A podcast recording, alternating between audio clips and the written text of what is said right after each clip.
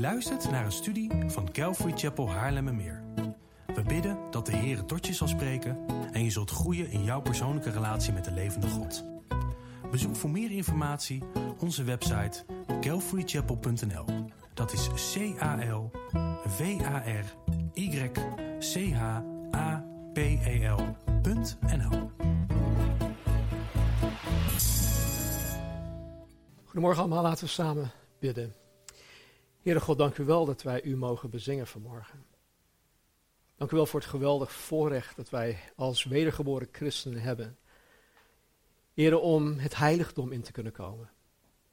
Dank u wel, Jezus, dat u, of dat door u, dood aan het kruis, het voorhangsel van boven tot aan beneden, door God zelf gescheurd werd, waardoor wij toegang tot uw troon der genade mogen hebben. Heer, wat een voorrecht.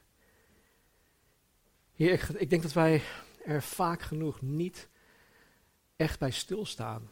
Van wat het daadwerkelijk is om een wedergeboren christen te mogen zijn.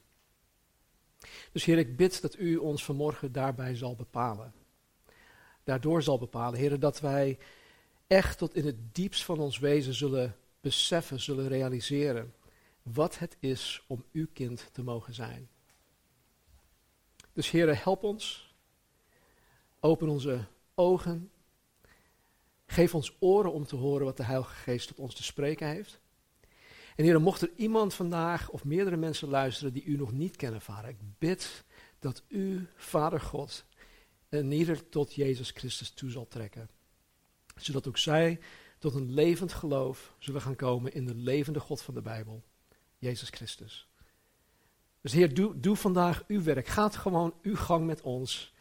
En doe wat u behaagt. Heer, tot eer en glorie van uw naam. In Jezus' naam bidden wij. Amen. Uh, goedemorgen, hartelijk welkom op de livestream van Calvary Chapel.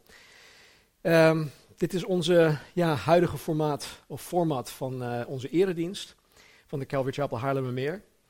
En ik wil een ieder welkom heten, vooral ook alle jongens en meisjes die uh, in de woonkamers zitten. Uh, hier zit ook een uh, jongeman bij ons in de zaal of in de woonkamer. Dus ook uh, Joram, jij bent van harte welkom. Ik zou zeggen, luister goed, doe je best om je leerblad van Kees en Lianne ook in te vullen.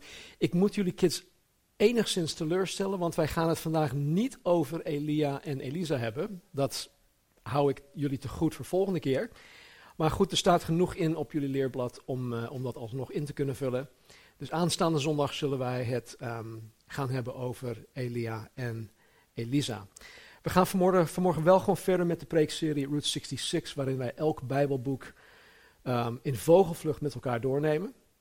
Ten eerste om Jezus Christus erin te gaan ontdekken, typebeelden van Jezus, ook pre-incarnatie, verschijningen van Jezus Christus. Uh, wij doen dat ook om de belangrijkste levenslessen eruit te halen en om Gods woord beter te leren kennen, zodat wij uh, God beter gaan leren kennen, waardoor ons geloof in God en ons vertrouwen op God toe zal nemen, zal gaan groeien. En uiteindelijk zodat Jezus Christus steeds meer en meer gestalte in ons zal krijgen, zodat wij steeds meer op Jezus Christus gaan lijken in deze duistere wereld om ons heen. Nou, Jesaja 55, uh, vers 10 en 11 zegt iets prachtigs over het woord van God. Er staat, want zoals regen of sneeuw neerdaalt van de hemel en daarheen niet terugkeert, maar de aarde doorvochtigt en maakt dat zij voortbrengt en doet opkomen. Zaad geeft aan de zaaier en brood aan de eter. Zo zal mijn woord zijn dat uit mijn mond uitgaat. Het zal niet vruchteloos tot mij terugkeren, maar het zal doen wat mij behaagt. En het zal voorspoedig zijn in hetgeen waartoe ik het zend. Dit is God die hier zelf spreekt. Zijn woord zal nooit ledig tot hem terugkeren. Dat is wat hier staat. Dus wanneer wij vanmorgen het woord gaan openen, en als, als jij ontvankelijk bent voor dat woord, dan zal God zijn doel daarmee met jou persoonlijk als individu gaan bereiken. Nou, vanmorgen kijken we naar de tweede helft van het excuus, um, elfde Bijbelboek, 1 Koningen. Dus laten we voor de oefening uh, nog steeds alle Bijbelboeken bij naam gaan noemen.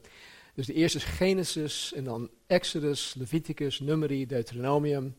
En dan hebben wij Jozua, Richteren, Rut, 1 Samuel, 2 Samuel en nu 1 Koningen. Nou, 1 Koningen en 2 Koningen zijn uh, een vervolg op de vertelling in 1 Samuel en 2 Samuel. Uh, het verslag van de geschiedenis gaat dus gewoon door in deze twee boeken. En zodra wij 1 en 2 Kronieken gaan behandelen, dat komt dus na 1 en 2 Koningen, um, dan gaat de vertelling dus niet door. Uh, 1 en 2 Kronieken geven ons details over de gebeurtenissen in 2 Samuel en over de gebeurtenissen in 1 en 2 Koningen. 1 Kronieken, sorry, 1, Kronieken uh, gaat dieper in op het bewind van koning David. En 2 Kronieken gaat dieper in op koning Salomo en op de koningen die na hem over Juda regeerden. Uh, de overige tien stammen van Israël in het Noordelijk Rijk komen hier dus niet aan de orde. Het gaat puur om David, Salomo en de koningen die regeren over Juda. Even kijken hoor. Als het goed is, uh, zien jullie nu een slide. Um, ehm, 1 en 2 kronieken zouden, zouden wij dus als een, een laag boven uh, op 2 Samuel en op 1 koningen en 2 koningen kunnen leggen. want het vult heel veel details in wat niet in 2 Samuel en in 1 en 2 koningen geschreven staat. Nou, we bevinden ons nog steeds in de uh, historie van, um, van Israël. En in de vertelling bevinden wij ons nog steeds in het beloofde land. Maar wat wij vanmorgen gaan zien is het begin van Israëls neerwaartse spiraal. En wat uiteindelijk uh, tot hun ballingschap zal leiden. Samuel, of 2 Samuel, het boek 2 Samuel, lanceerde de monarchie. En uh, ja, daarvoor regeerde God direct over Israël. Door middel van een Mozes, door middel van een Jozua, uh, door middel van de richteren. Maar nu regeren de koningen onder de leiding van God. Althans, dat is de bedoeling, dat de koningen regeren onder de directe leiding van God. De eerste koning was Saul, de tweede koning was David en de derde koning was koning Salomo. Die regeerde over het Verenigd Koninkrijk van Israël. Nou, tot en met koning Salomo was het Rijk van Israël dus verenigd. En dit noemt men, uh, ja, wat ik net ook zei, het Verenigd Koninkrijk van Israël. Maar na de dood van Salomo, uh, als Gods straf voor hun gruwelijke zonden, werd het koninkrijk van Israël verdeeld in tweeën. Namelijk het Noordelijk Rijk en het Zuidelijk Rijk. Het Noordelijk Rijk, um, wat Israël genoemd wordt, bestaat uit de, de, de tien stammen. En het Zuidelijk Rijk, wat Juda genoemd wordt, bestaat uit twee stammen, namelijk Juda en Benjamin.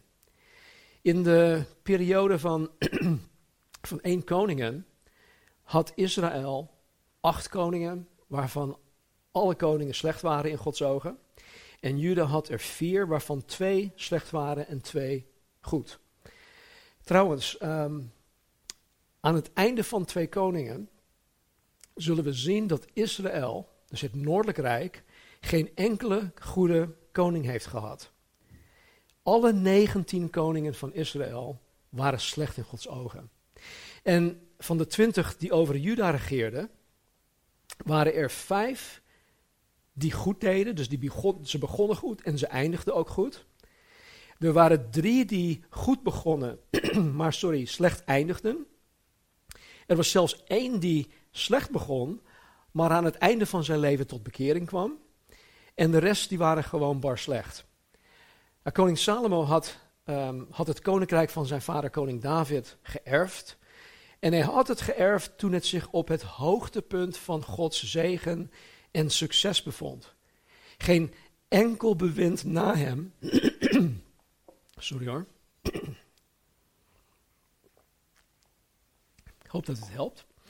Um, geen enkel bewind na hem heeft zich met, met, met dit niveau van Gods zegen en welvaart kunnen evenaren. Maar helaas, helaas was het van tijdelijke duur. Uh, zoals wij in de vorige studie hadden geleerd, maakte koning Salomo zich schuldig aan de drie dingen die een koning van Israël juist niet mocht doen. En hij liet juist na wat hij wel moest doen. En dan lezen wij in Deuteronomium, hoofdstuk 17, vanaf ehm, vers 16 tot en met 20. Als het goed is, krijgen jullie dit nu te zien. Maar hij, dus de koning over Israël, mag voor zichzelf niet veel paarden aanschaffen. En het volk niet laten terugkeren naar Egypte om veel paarden aan te schaffen. Omdat de Heere tegen u gezegd heeft: U mag nooit meer langs deze weg terugkeren. Ook mag hij voor zichzelf niet veel vrouwen nemen, anders zal zijn hart afwijken. Hij mag voor zichzelf ook niet al te veel zilver en goud nemen. Verder moet het zo zijn, als hij op de troon van zijn koninkrijk zit, dat hij voor zichzelf op een boekrol een afschrift van deze wet schrijft. Vanuit de rol die onder het toezicht van de Levitische priesters is. Dat moet, hij bij hem, dat moet bij hem zijn. En hij moet er alle dagen van zijn leven in lezen. Om de Heere, zijn God, te leren vrezen. En om alle woorden van deze wet en deze verordeningen in acht te nemen door ze te behouden. Opdat zijn hart zich niet verheft boven zijn broeders. Opdat hij niet afwijkt van het gebod, naar rechts of naar, of naar links. En opdat hij zijn dagen verlengt in zijn koninkrijk, hij en zijn zonen, te midden van Israël. Tot zover. Koning Salomo mocht niet veel paarden in bezit hebben. Er hier zeker geen paarden afkomstig uit Egypte.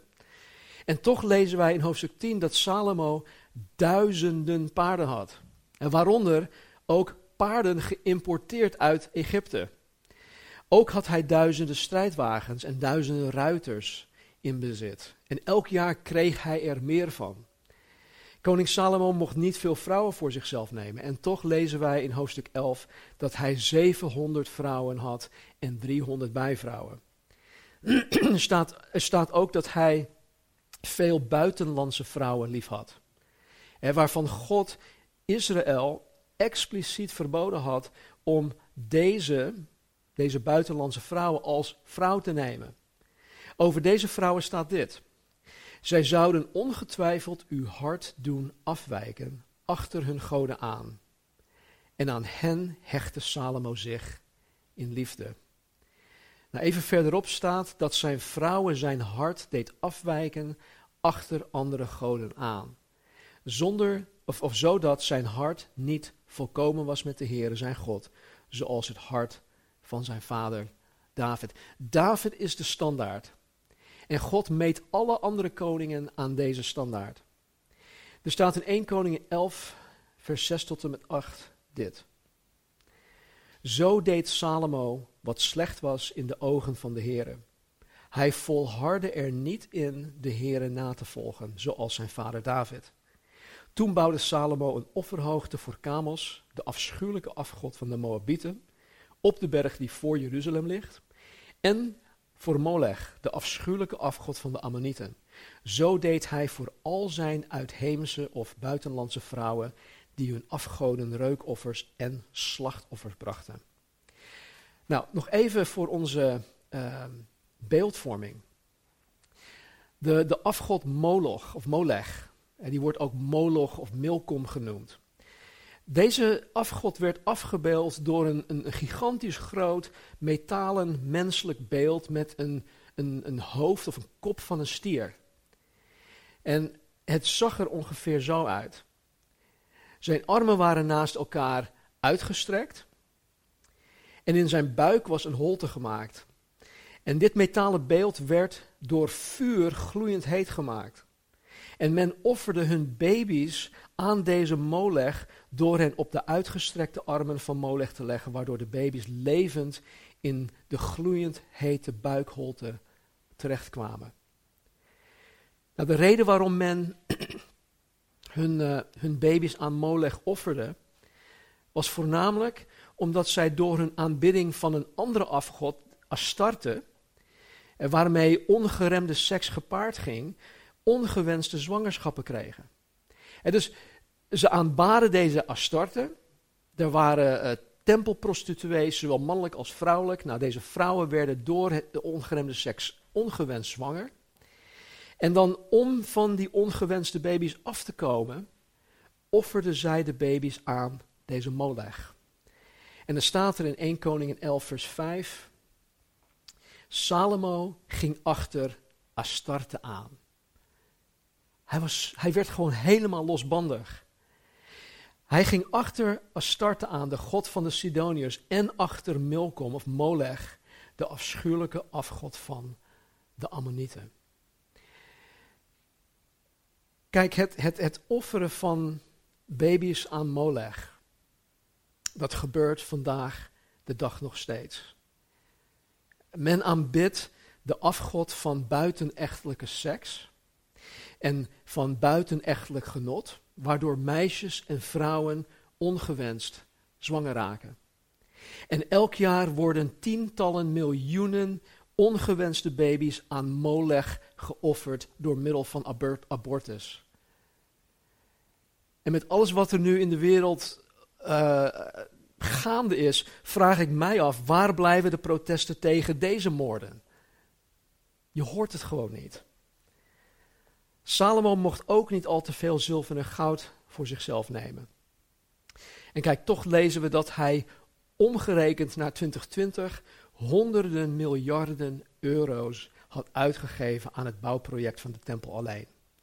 En daarnaast ontving hij, uh, door de mensen te belasten onder andere, ontving hij jaarlijks zo'n 1 miljard euro voor zichzelf. En hetgeen hij juist wel moest doen, om zichzelf, zijn, om zichzelf dus zijn eigen persoonlijke relatie met God, maar ook zijn familie, zijn rijk en Israël te beschermen tegen de gevolgen van zonde, dat wat hij juist wel moest doen, liet hij na. In de vorige studie lazen wij dat koning Salomo de gehele Torah met de hand moest overschrijven. En dat hij deze alle dagen van zijn leven moest lezen. Dit heeft hij kennelijk niet gedaan, want als hij dat wel gedaan heeft, en als, het, als, als hij het woord van God wel in acht genomen had, dan had hij God lief gehad, dan had hij God gehoorzaamd. Dan was hij niet van het rechte pad afgedwaald. Dan was hij niet achter Astarte aangegaan, dan was hij niet achter Molech aangegaan. Dan had hij geen buitenlandse vrouwen voor zichzelf genomen. Dan had hij sowieso geen duizend vrouwen voor zichzelf genomen. Dus waar koning Salomo in eerste instantie in een, ehm, in een gespreid bedje kwam, waardoor hij tot aan zijn laatste adem toe van Gods zegen kon genieten en Gods zegen ook nog eens uh, na kon laten aan zijn opvolger, heeft koning Salomo misbruik gemaakt van alles dat God hem gaf en alles dat God voor hem deed. Echt super triest. God dienen en God behagen stond blijkbaar niet hoog op zijn prioriteitenlijst. En dit heeft ertoe geleid dat God het koninkrijk van Salomo had losgescheurd. Luister, wij die Jezus navolgen, waren ook in een gespreid bedje gekomen toen wij door de geest van God tot wedergeboorte kwamen. Wij kwamen in een gespreid bedje. Jezus heeft alles voor ons gedaan, wij hoeven niks meer te doen. God heeft ons zijn koninkrijk gegeven met alle voordelen van dien. En nog meer dan Salomo zelfs. En één zo'n voordeel leert de apostel Paulus ons. Hij zegt in 2 Korinthe uh, eh, 5, vers 17. Als iemand in Christus is, dus als iemand wedergeboren is, Jezus Christus navolgt, is hij een nieuwe schepping. Het oude is voorbij gegaan, zie, alles is nieuw geworden. Door de wedergeboorte ben ik een nieuwe schepping geworden. Ik, ben, ik, of ik heb geen make-over gekregen. Maar God heeft mij geestelijk helemaal van top tot teen opnieuw geschapen. Ik ben een nieuwe schepping geworden.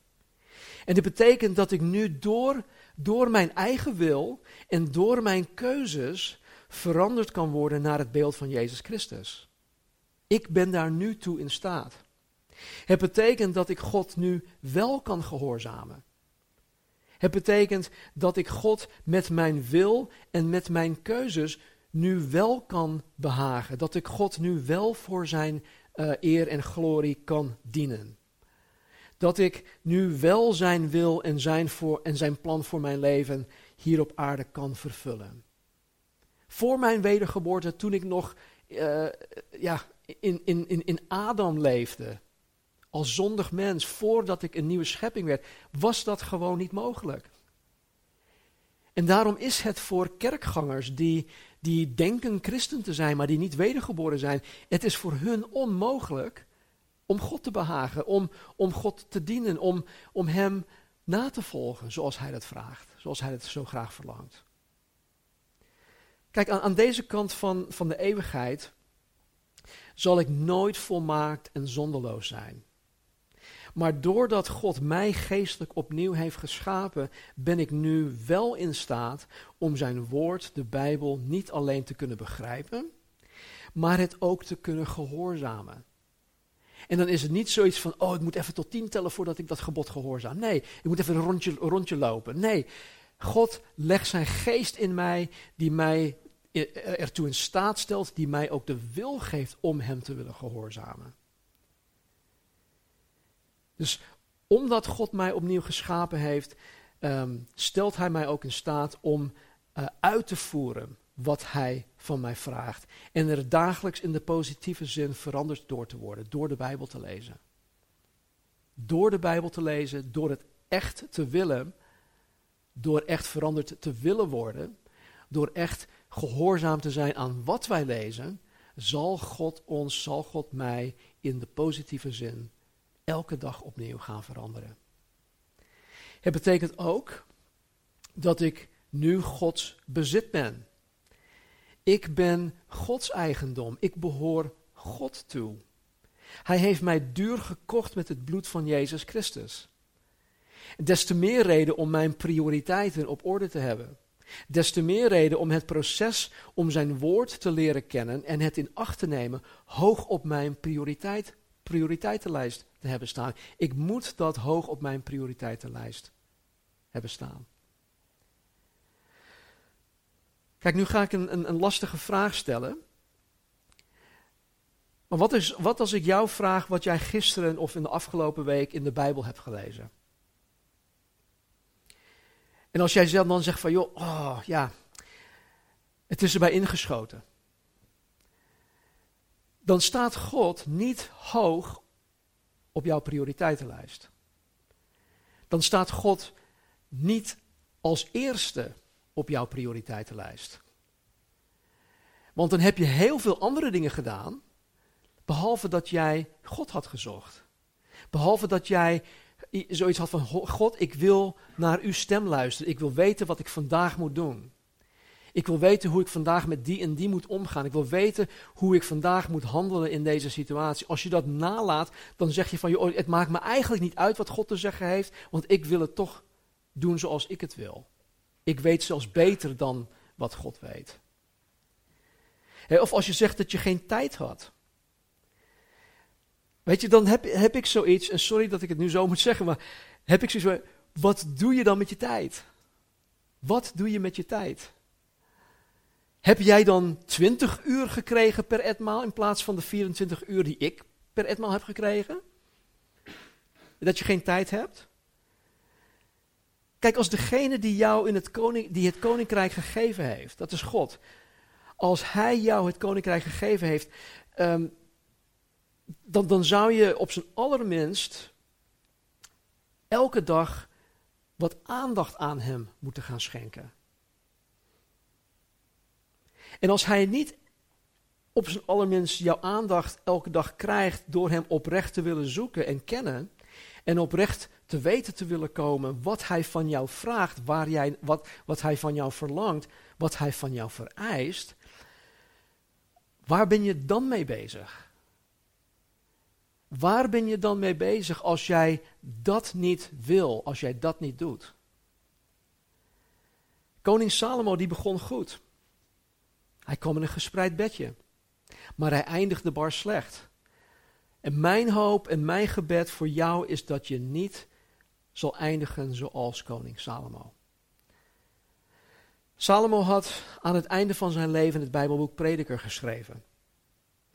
En wat hij daarin schrijft, is dat de zoektocht naar geluk, de zoektocht naar um, genot, de zoektocht naar voldoening in het leven zonder God een zinloze leegte is.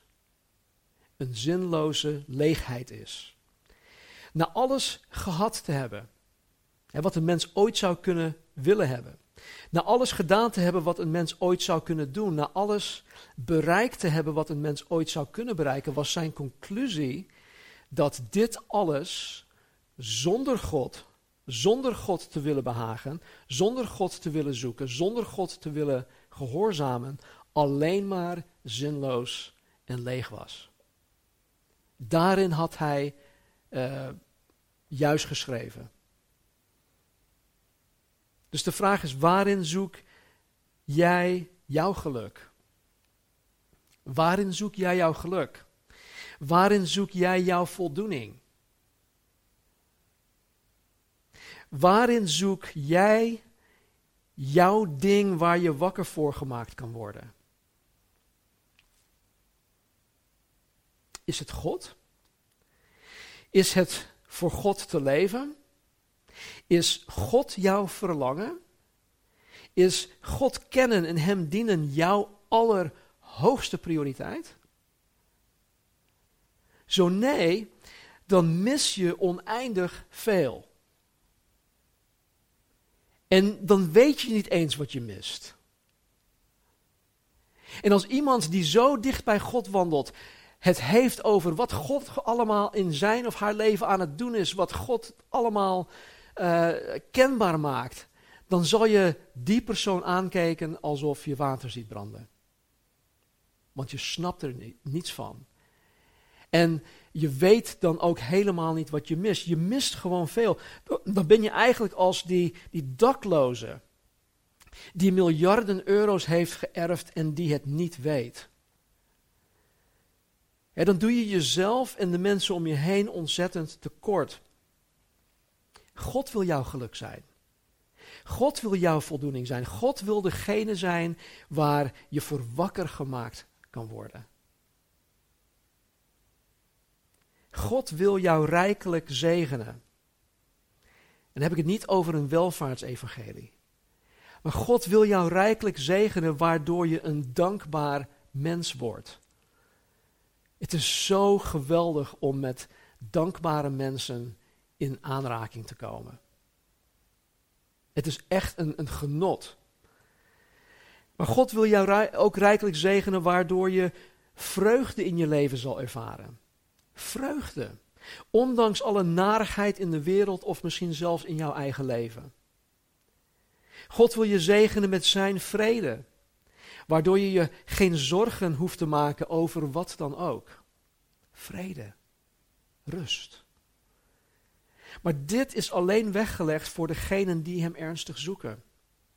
Dit hoort bij het nauw wandelen met de Heer Jezus Christus. Dit hoort bij het, bij het dagelijks zoeken van God in zijn woord, de Bijbel. Kijk, elke keer wanneer ik erop hamer om je Bijbel te gaan lezen, gaat het mij niet om een religieuze plicht. Hè? Dus begrijp me alsjeblieft niet verkeerd. Het gaat mij om oprecht God te willen kennen. Het gaat mij om oprecht van God te horen wie Hij is en wat Hij van, van jou verwacht. Wees geen Salomo. Het gevolg van Salomo's falen en mislukking is dat het koninkrijk door God van hem losgescheurd werd. En dat het koninkrijk verdeeld zou raken. In het laatste gedeelte van hoofdstuk 11 spreekt God via een zekere profeet Ahia tegen een zekere man die heet Jerobeam. En deze was een dienaar van Salomo. Salomo had hem aangesteld als de, ja, de, de topman van alle bouwwerkzaamheden. En hij vertelt deze Jerobeam, deze profeet, vertelt hem dat God hem koning gaat maken over de tien noordelijke stammen van Israël. En dan heeft hij zoiets van, ja, waar heb je het over? Want Salomo leefde nog. En toen Salomo dit te weten kwam, wilde Salomo Jerobeam doden. Maar deze Jerobeam, hij vluchtte naar Egypte toe en hij bleef daar totdat Salomo stierf. Hier komen we zo meteen nog even op terug. En nadat Salomo stierf, in hoofdstuk 11, aan het einde van hoofdstuk 11, werd zijn zoon Rehabeam koning in zijn plaats. Dus die andere man was Jerobeam, deze is Rehabeam. Het wordt nog, wordt nog leuker straks. En toen deze Jerobeam hoorde in Egypte, toen hij in Egypte zat, dat Salomo reeds overleden was, kwam hij met heel de gemeenschap van Israël naar de nieuwe koning Rehabeam toe, om hem te vragen om de last dat Salomo op het volk had gelegd te gaan verlichten. Salomo had het volk zwaar belast met zowel belasting, hè, dus de, de financiën, als ook dienstverlening om zijn eigen welvaart te kunnen onderhouden. Dus het volk vroeg aan de nieuwe koning om deze zware last te gaan verminderen. Had ik ook gedaan. Dus wat deed deze nieuwe jonge koning Rehabeam?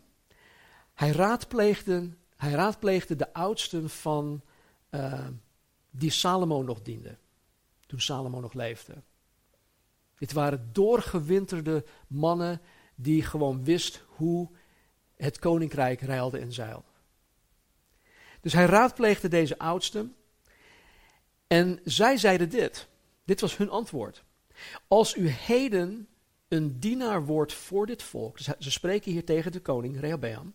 Als u heden een dienaar voor dit volk wilt zijn.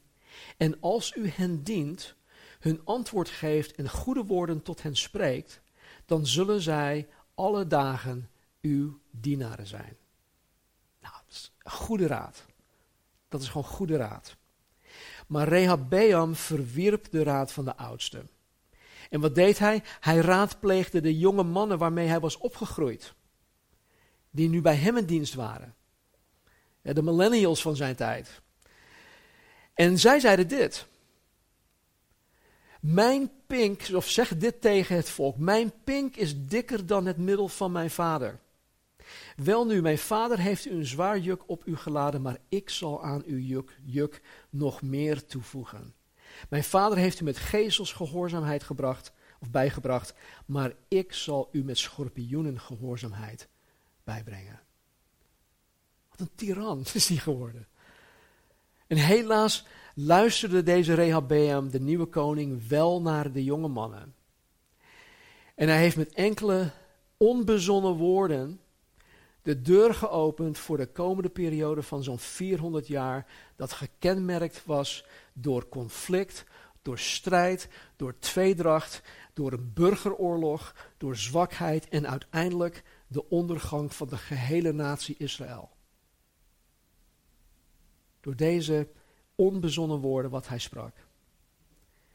Door deze klungelige, actie van deze jonge dictator Rehoboam zeiden de tien noordelijke stammen van Israël dat zij zich niet aan Rehabeam gingen schikken. En dat zij Jerobeam tot hun koning gingen maken.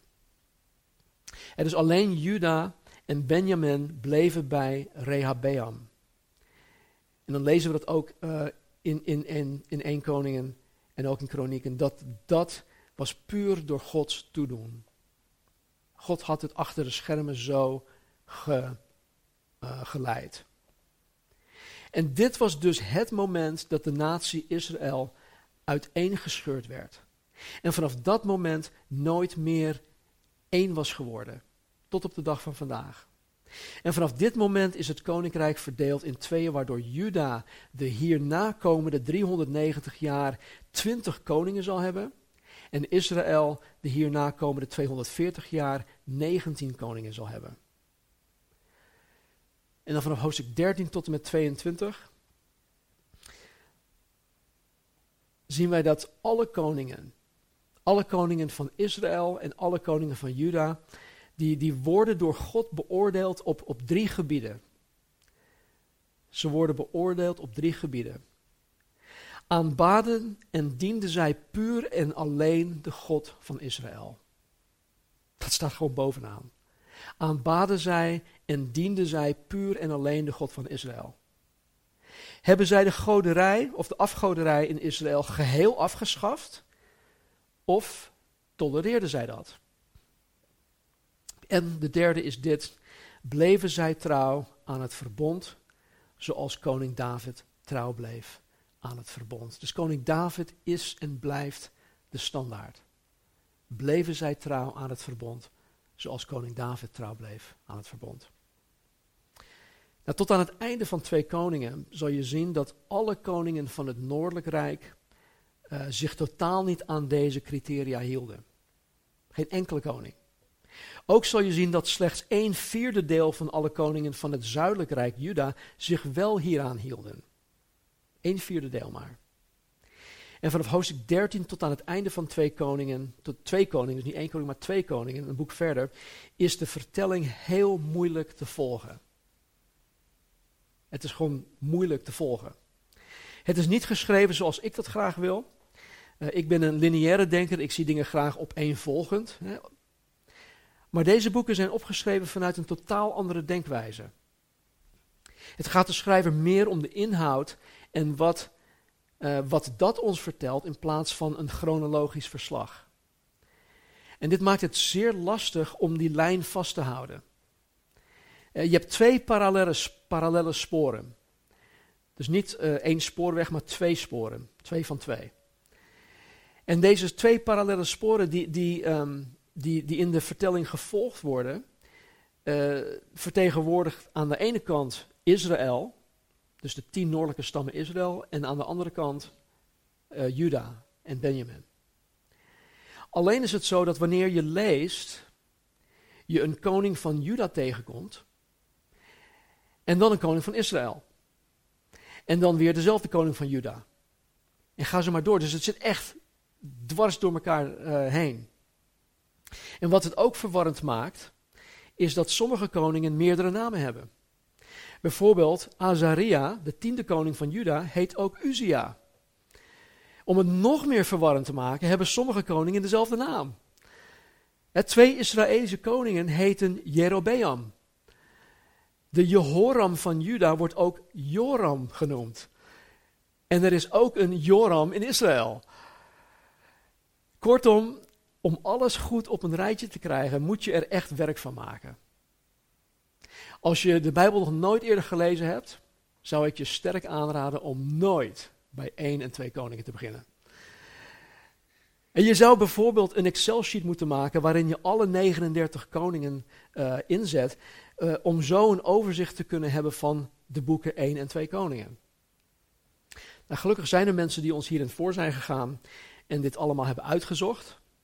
Ik heb uh, zelf ook schema's in mijn boeken staan waar ik veel aan heb gehad tijdens mijn voorbereiding. En anders zou ik er echt helemaal tureluurs van worden. Nou, wat ik op de slides heb gezet, wat jullie voor, uh, vandaag ook hebben gezien, heb ik niet klakkeloos één op één overgenomen van deze andere schema's. Ik heb ze stuk voor stuk opgezocht. Dus als ik het, als ik het goed heb gedaan, kloppen deze slides.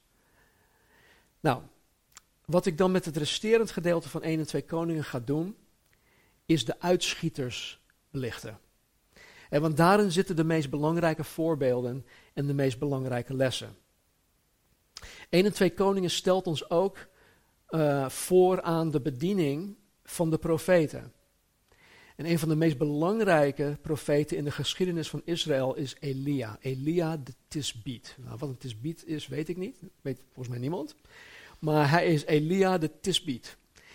En in de volgende studie, wat ik zo even ook al zei, um, zal ik dieper ingaan op Elia en op zijn opvolger Elisa.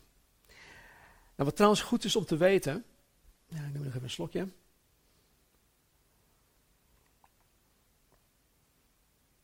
Wat goed is om te weten, is dat van de 16 profetische boeken in de Bijbel, in het Oude Testament, eh, bijvoorbeeld Jesaja, Jeremia, Hosea, Joel, uh, zowel de grote als ook de kleine profeten, uh, van de 16 passen 12 in de tijdspannen van twee koningen. Dus als je de profeten leest en als je deze wil begrijpen, dan is het noodzakelijk dat je weet wat er in één koningen en twee koningen afspeelt. Waar één en twee koningen over gaat. Als je de context van één en twee koningen niet kent, dan zul je niets gaan snappen van de 16 profetische boeken van het Oude Testament. En dan ga je uh, hapsnap hier en daar wat uh, profetieën uit zijn context rukken. Uh, je gaat ze op vandaag toepassen, je gaat ze op Israël toepassen, je gaat ze op de kerk toepassen. En je gaat alle kanten op en dat is gewoon fout. Dan ga je echt de mist in met de Bijbel. En vandaar dat ik ook meer tijd heb besteed aan het schetsen van de situatie in 1 Koningen. Want deze achtergrond is essentieel om niet alleen de profetische boeken te kunnen snappen, maar ook gewoon de rest van het Oude Testament. Nu dit. In het resterende deel van 1 Koningen, dus wanneer we dit boek afmaken, kan je lezen over acht koningen van het Noordelijk Rijk Israël en vier koningen van um, het Zuidelijk Rijk Juda. Alle acht van Israël waren slecht. Ze waren allemaal slecht. Maar er was één die gewoon echt uber slecht was en dat is koning Agab. Hij was de allerslechtste. En twee van de vier van Juda, die waren gewoon goed. Daarna, in Twee Koningen, het boek Twee Koningen, kan je lezen, lezen over de resterende 27 koningen, waarvan slechts drie goed waren, allemaal in Juda. En weet je, dit is zo'n triest verhaal, want als de koning slecht is, dan zal het volk daaronder lijden. En als je de rest van het Oude Testament leest, dan zal je zien dat het volk inderdaad veel te verduren kreeg onder kwade en foute en slechte leiderschap. Vandaar dat ongelovig Israël, die tot op de dag van vandaag Jezus Christus verwerpt, nog steeds de Messias verwacht. En die volgens hun interpretatie van het Oude Testament zal regeren in gerechtigheid. Wat hij ook zal doen, alleen niet hoe zij het verwachten. Wij weten, wij die wedergeboren zijn, wij weten dat de lang verwachte Messias Jezus Christus is. En wij die wedergeboren zijn, mogen nu al van zijn bewind genieten.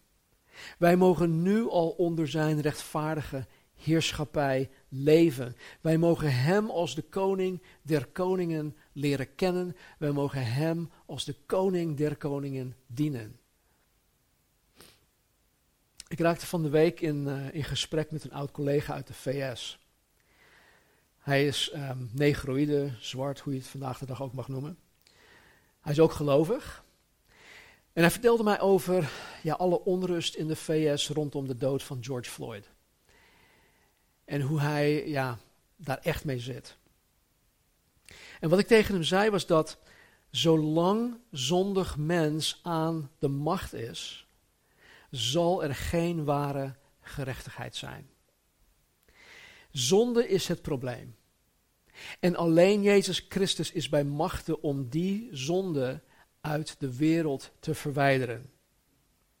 En hij doet dat nu al één voor één met elk individu dat tot wedergeboorte komt.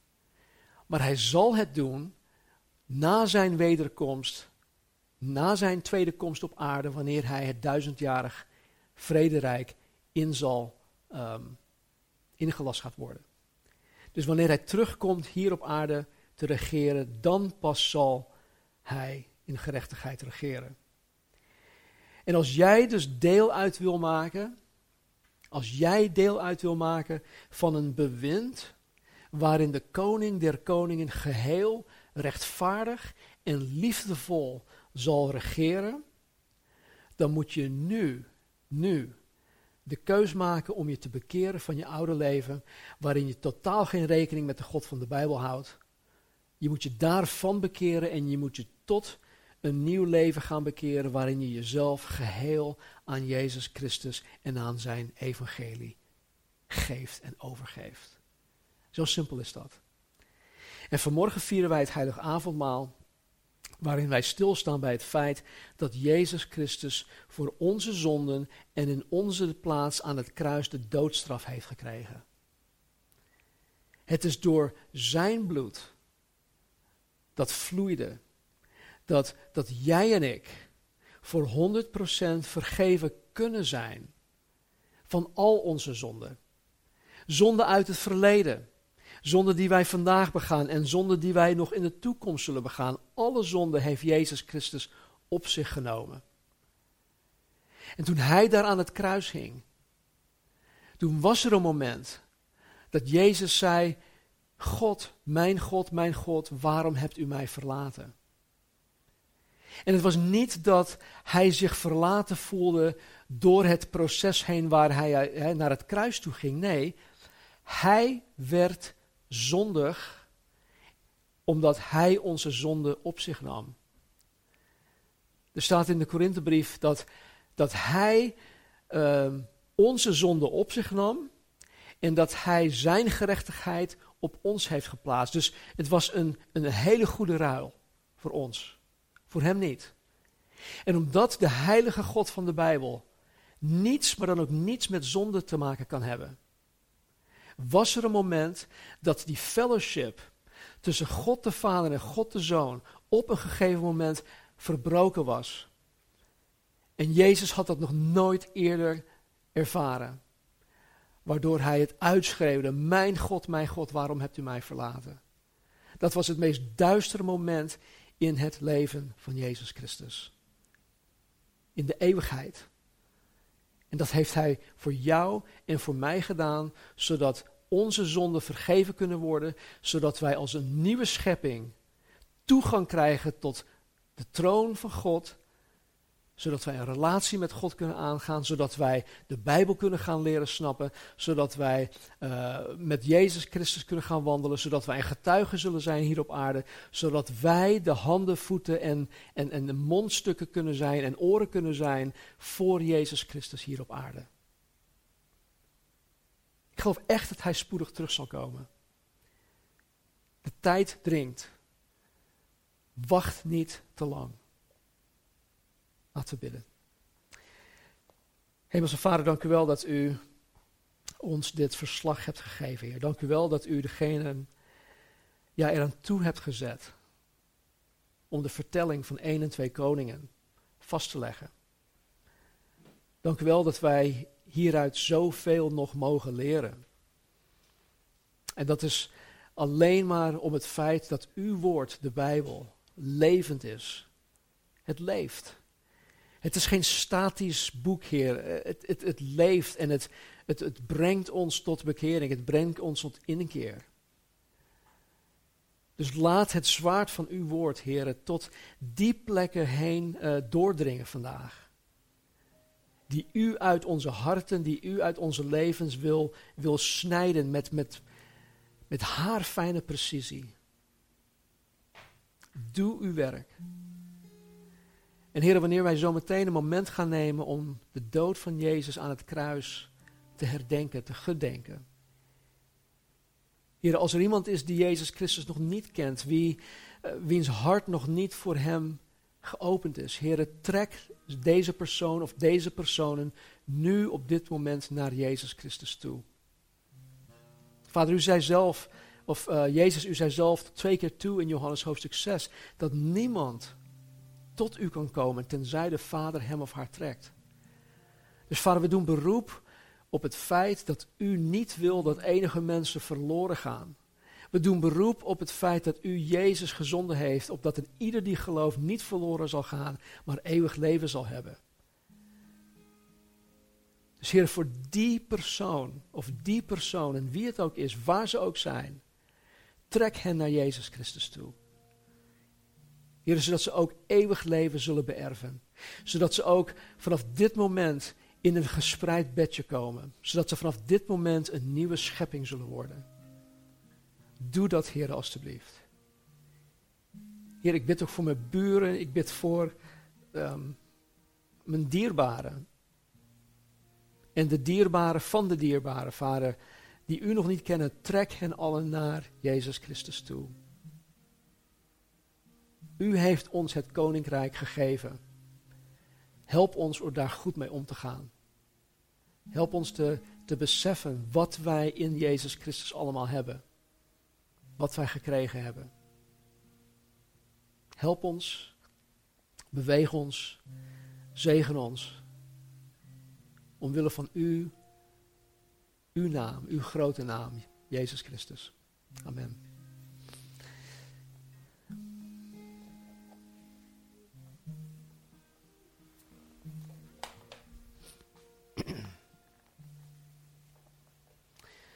Apostel Paulus die, die grijpt terug naar een gebeurtenis waarin hij ehm, ja, iets overgeleverd kreeg van de Heer zelf. Nu weten we niet precies of hij dat direct van Jezus Christus meegekregen heeft toen hij ergens in Arabië zat. Want na zijn bekering heeft hij zich, heeft hij zich voor, voor jarenlang afgezonderd. Om zich te verdiepen in het woord en in Jezus Christus, om echt te weten wie Jezus Christus is.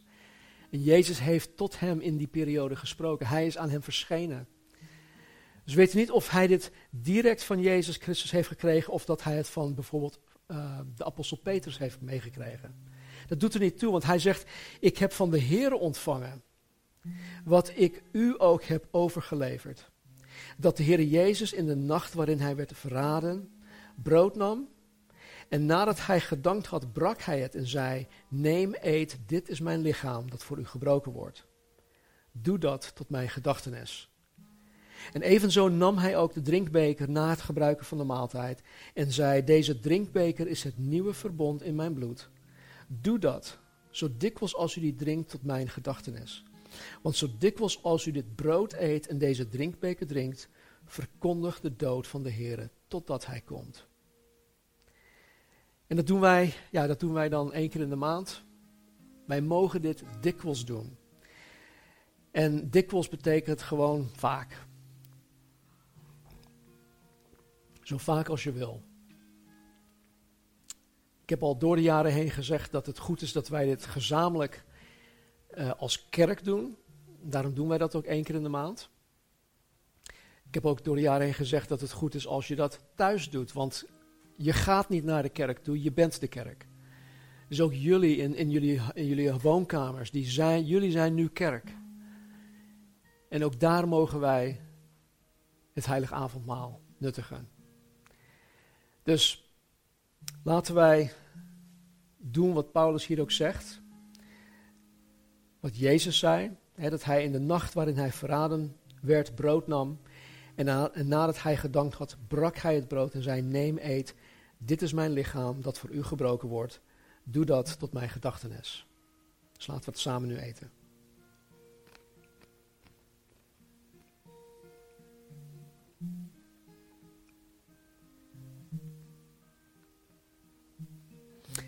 Laten we ook doen wat Jezus deed.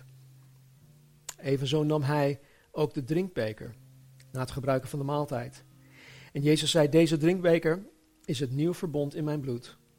Doe dat zo dikwijls als u die drinkt tot mijn gedachtenis. Want zo dikwijls als u dit brood eet en deze drinkbeker drinkt, verkondigt de dood van de Heer totdat hij komt. Dus laten we samen ook drinken.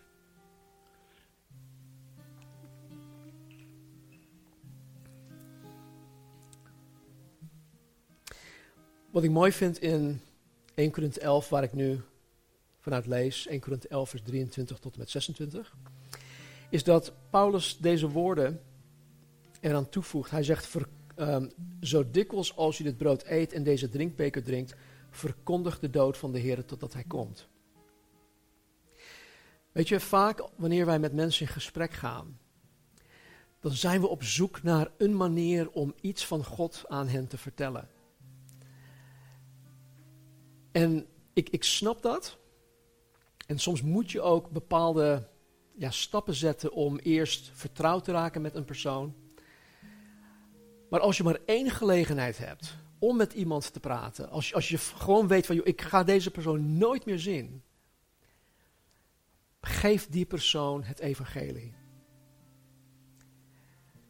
Deel met deze persoon dat Jezus Christus voor hen aan het kruis is gestorven. Predik of verkondig de dood van de Here. Paulus zegt het evangelie van Jezus Christus, dus de dood uh, van Jezus Christus en het opstaan uit de dood, dat is de kracht van God tot zaligheid. Geen mooie verhaaltjes. Dat is de kracht. En dan zegt hij, doe dit totdat hij komt. Dus, dus Paulus die kijkt gewoon vooruit. Hij kijkt met rijkhalsend verlangen uit naar het moment dat Jezus de gemeente tot zich neemt door de opname van de gemeente.